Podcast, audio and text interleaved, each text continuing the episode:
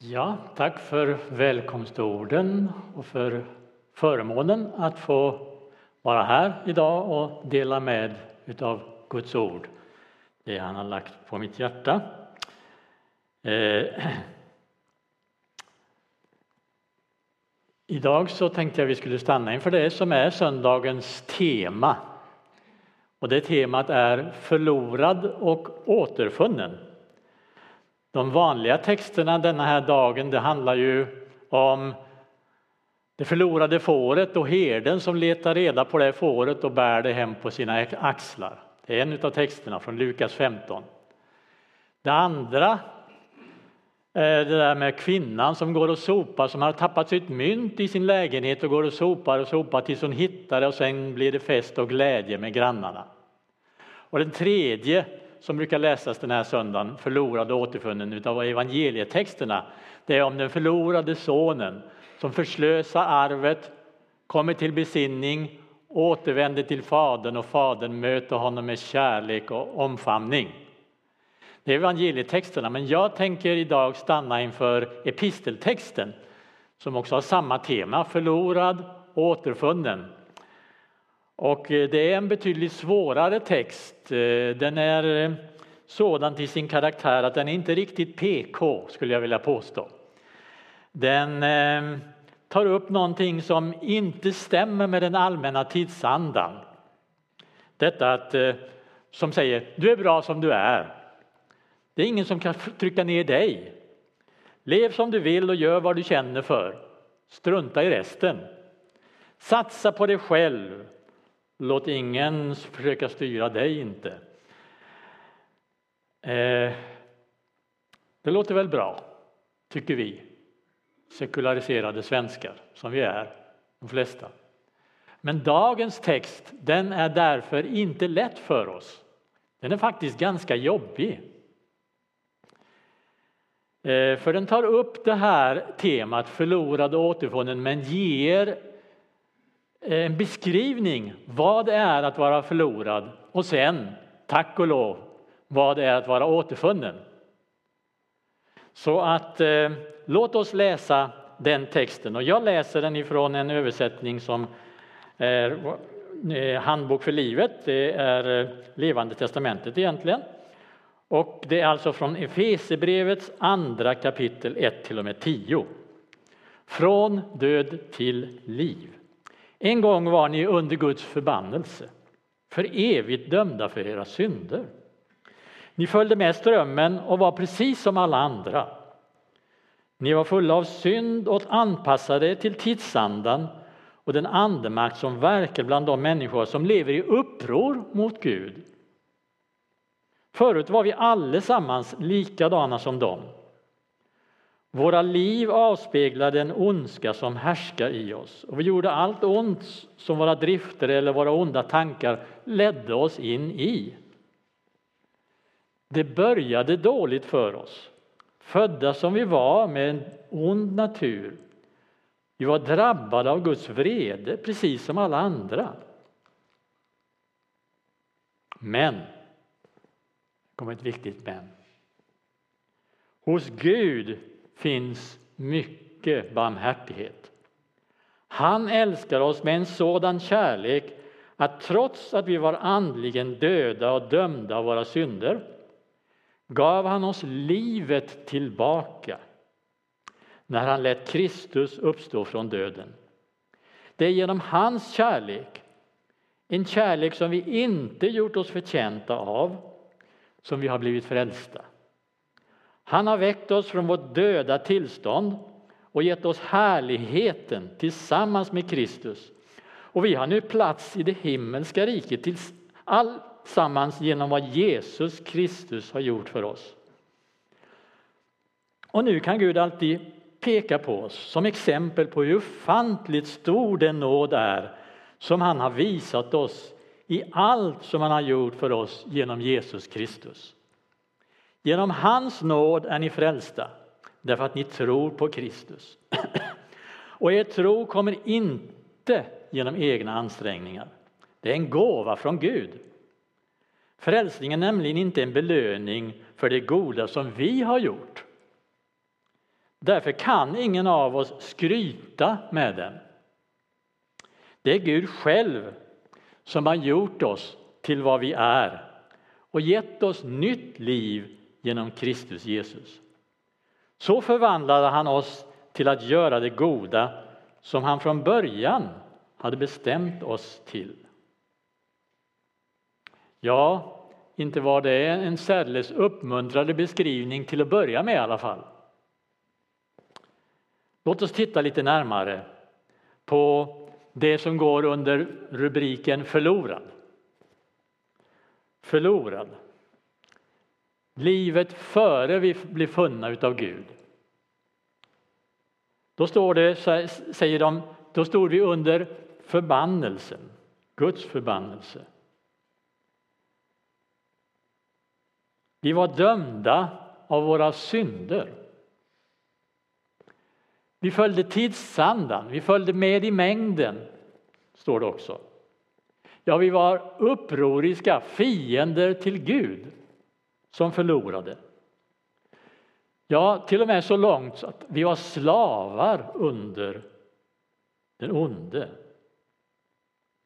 Vi följde våra egna onda begär, våra egna tankar. Det som är, liksom, som ni hörde, evangeliet idag. Gör vad du vill och tänk vad du vill, bara du inte skadar någon annan. Ja, vi var drabbade av ett väldigt svårt begrepp som jag tycker är jobbigt. Vi var drabbade av Guds vrede.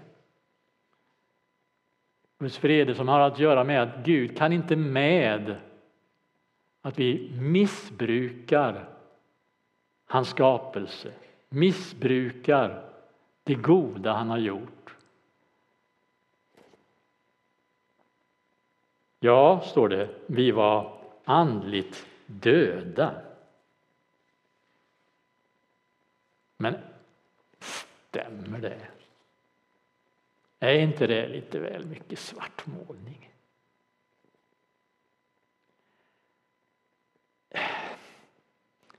Speciellt vi som är hemmavarande söner. Jag är en sån. va? Jag har inte varit ute och känt mig så himla förlorad. Jag är som den där brodern i, i berättelsen om den förlorade sonen. Lite förargad på att pappa gör så väldigt sak av den där förlorade killen som kom hem. Svårt för att förstå att det kan vara en sån stor sak att återvända från ett förlorat tillstånd. Som hemmavarande söner så har vi nog svårt för den här texten. Eller döttrar. Eh, men det beror lite på vilken måttstock vi har. Som en slags sammanfattning utav det här första, hur det var före, så kan man säga att synden härskar. Men vad är då synd? Ja, det är ju just detta att missa målet med vad Gud hade tänkt med oss. Gud hade tänkt att vi skulle leva i hans kärlek, ge den vidare, älska varandra. Det första budet som en jude fick lära sig, hör Israel, hör Herren din Gud, Herren är en. Du ska älska Herren din Gud av allt ditt hjärta, all din själ, av all din kraft och allt ditt förstånd och din nästa så som dig själv. Och vi blir satta i den här skapelsen för att älska och förvalta den. Men ta en test. Hur står du inför den här kärlekstesten? Älska Gud över allting? Älska nästan som oss själva? Har vi inte alla missat målet? Eller ta den här testen hur vi förvaltar vår skapelse. Greta Thunberg påminner oss om det. Att eh, vi är inte så goda förvaltare, vi älskar inte vår skapelse, vi förstör den. Och därför så vilar på något otäckt sätt nu en slags dom över hela skapelsen, på människans missbruk av den.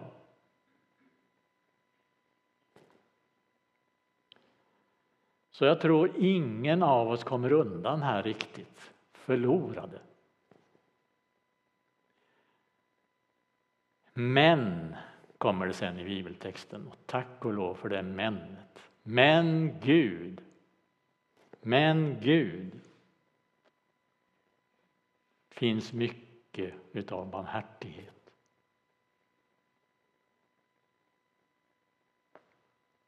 Han har älskat oss. Vi är älskade av Gud i vårt fallna upproriska tillstånd. Och han har gjort det möjligt för oss att bli räddade undan det, frälsta, räddade. Och vi får nu leva genom hans nåd. Nu får vi stå fast i den sanning som är Kristus har gjort allt detta för oss. Vi får nu kalla oss för Guds barn, vilket vi också är, säger Paulus. Och nu är vi inte längre slavar som det stod där, vi är fria i Kristus att kunna älska och tjäna, ge det vidare som vi har fått. Vi har blivit förda från död till härlighet. Ja, till och med står det att han har satt oss med Kristus i det himmelska. Redan nu kan vi få del av det som ska bli en fantastisk verklighet framöver. Det som är vårt hopp, det kristna hoppet. Och allt detta är inget som vi kan berömma oss av. Det är helt oförtjänt. Det är en del av Guds välvilja mot oss. Vi har fått ett helt nytt andligt liv som en gåva. Återfunna.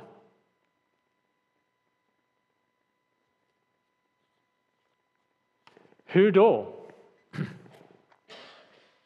Ja, hur kan detta bli en verklighet i våra liv, ditt och mitt liv?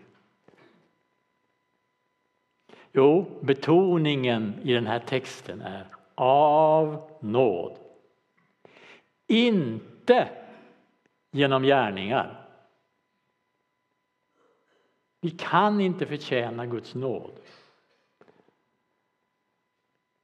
Och sättet på att att närma sig Gud är att komma med sina tomma händer. Fattiga, tomhänta kommer vi, du och jag, till Gud och säger tack för din gåva. Tack. Tron är en gåva som är given till oss. Nåden är en gåva. Alltså, inte genom gärningar. Men sen kommer det lite paradoxalt, det där med gärningar har vi lutheraner en lite svårt för. Eh, nämligen att eh,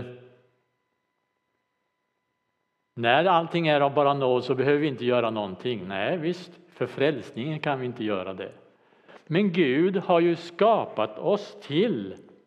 Vi är nyskapade och hur skapade han oss från början? Jo, för att vandra med honom i hans kärlek och ge den kärleken vidare. Vi är nyskapade till goda gärningar. Inte genom gärningarna, men till goda gärningar som han har förut berett, står det. Vi ska vandra i det som Gud har tänkt om oss. Och han har tänkt att vi ska leva i hans skapelse i utgivande kärlek. Kärleken till Gud som tacksamhet för vad han har gjort för oss. Kärleken till oss själva, för det får vi faktiskt göra. Vi får älska oss själva. Älska din nästa så som dig själv. Och älska vår nästa och älska vår skapelse som vi har behandlat så fruktansvärt illa. Det är vi kallade till. Att vara kanaler för Guds kärlek. I en värld där det behövs mer än någonsin. Där rädsla, hat och mycket annat råder. Där vill han att vi ska vara kärlekens kanaler. Så jag vill sluta med en bön som också är en sång som jag ofta går och nynnar på.